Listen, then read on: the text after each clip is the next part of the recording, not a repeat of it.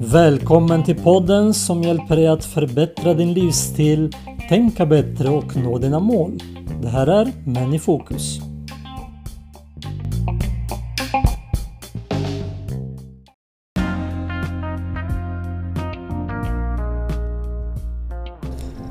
Hej och välkommen till avsnitt nummer 12 av podden Män i fokus.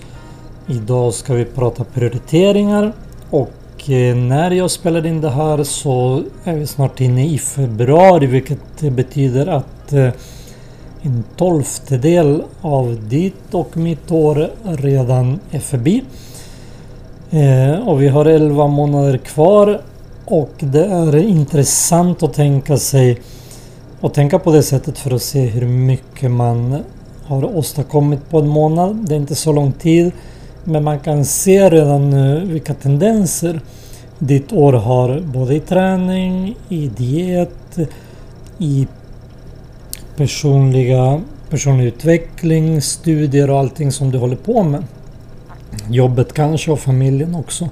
Och när det gäller att prioritera så finns det ganska mycket tips och faktiskt mycket studier också som har gjorts kring hur man prioriterar och hur man blir mer produktiv och sådär. Men det finns eh, några enkla saker att tänka på om man inte känner att man är expert på att prioritera.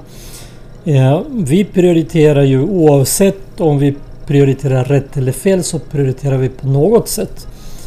Alltså även att sitta och titta på Netflix en hel dag är en sorts prioritering även om vi kanske inte tänker att det var det vi skulle göra. Så att förutom alla de listor och mål som vi kan ha så kan vi snabbt se vad vi lägger den mesta tiden på och vad vi vill lägga tid på. För oss som har familj, som har eh, stora familjer, som har barn, som har jobb, som har olika uppdrag eh, så är det väldigt viktigt att eh, göra att arbeta effektivt och att prioritera rätt. Men att prioritera rätt handlar också om att säga nej till mycket saker. Ofta så tar vi på oss väldigt mycket och vi tänker att eh, vi kommer att vara disciplinerade, vi kommer att klara av att jonglera mellan olika saker. Eh, och resultatet, resultatet är väldigt ofta att vi gör många saker halvdant. Och så behöver det absolut inte vara för alla. Jag känner många personer som jonglerar sitt liv och har många olika uppdrag och gör det fantastiskt bra. Men åtminstone i perioder så måste man prioritera vissa saker. Har man varit borta från familjen mycket så måste man ju prioritera att vara med dem. Har man eh, låtit bli att skriva rapporter eller, eller vad man nu måste göra så måste man kanske lägga tid på att koncentrera sig på det. Pluggar man så behöver man tid för att lämna in uppgifter och så vidare.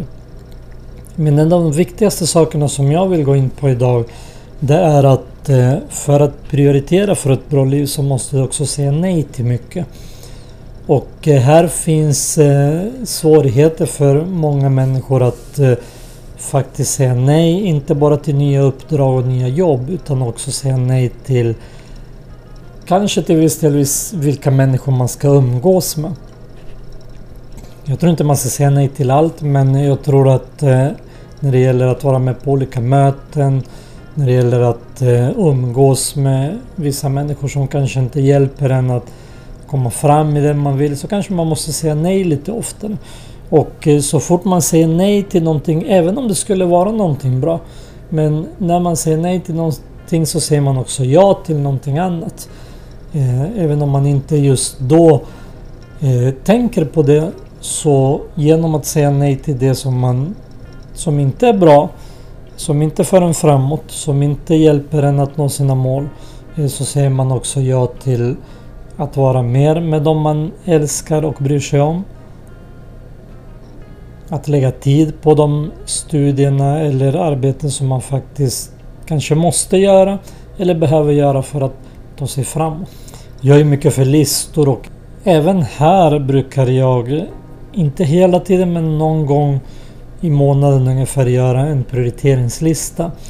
Eh, för det jobb jag gör just nu, de uppdragen jag har, eh, de sakerna jag vill lära mig, de böckerna jag vill läsa och sådär. Och eh, Det hjälper mig att se ganska fort vilka saker jag inte ska göra.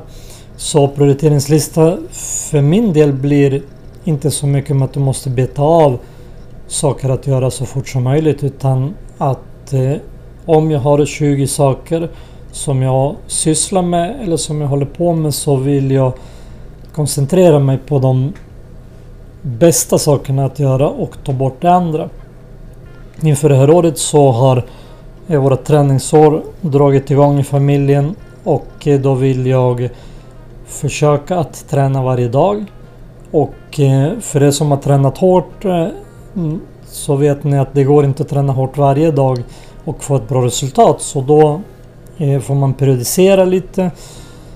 Eh, man får vi som tränar på gym till exempel träna tungt några dagar i veckan och göra lite mer stretchning och andra saker för att, för att hålla kroppen i trim och att den ska orka hela vägen. Och då, eh, då får man prioritera att dels att gå till gymmet varje dag eller göra någonting hemma varje dag. Eh, man får sätta en nedre gräns att man inte får till exempel träna mindre än 15 minuter och inte mer än två timmar säger vi. För att hinna göra allt det andra man ska göra men åtminstone 15 minuter för att hålla igång eh, det vanan att träna hela tiden. Eh, det är ett sätt att prioritera. Eh, och ett sätt att prioritera bort saker då inom träningen skulle till exempel kunna vara att inte testa på så många nya sporter eller nya saker det här året utan vi håller oss till till gym, till löpning och slalom till exempel under vinterhalvåret. Ehm, och sen är det inte så mycket mera. Och sen om man vill testa på någonting nytt så kanske det kommer under sommaren. Och det här ger sig ju naturligt i vanliga fall men har man väldigt mycket att göra och väldigt höga mål så behöver man titta på vad man faktiskt gör under dagarna. Annars, eh, annars kommer tiden bara att gå.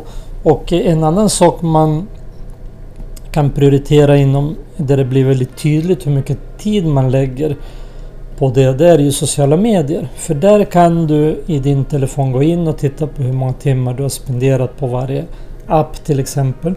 Eh, och då kan man välja att till exempel inte titta på sociala medier mer än en stund på morgonen eller en stund på kvällen.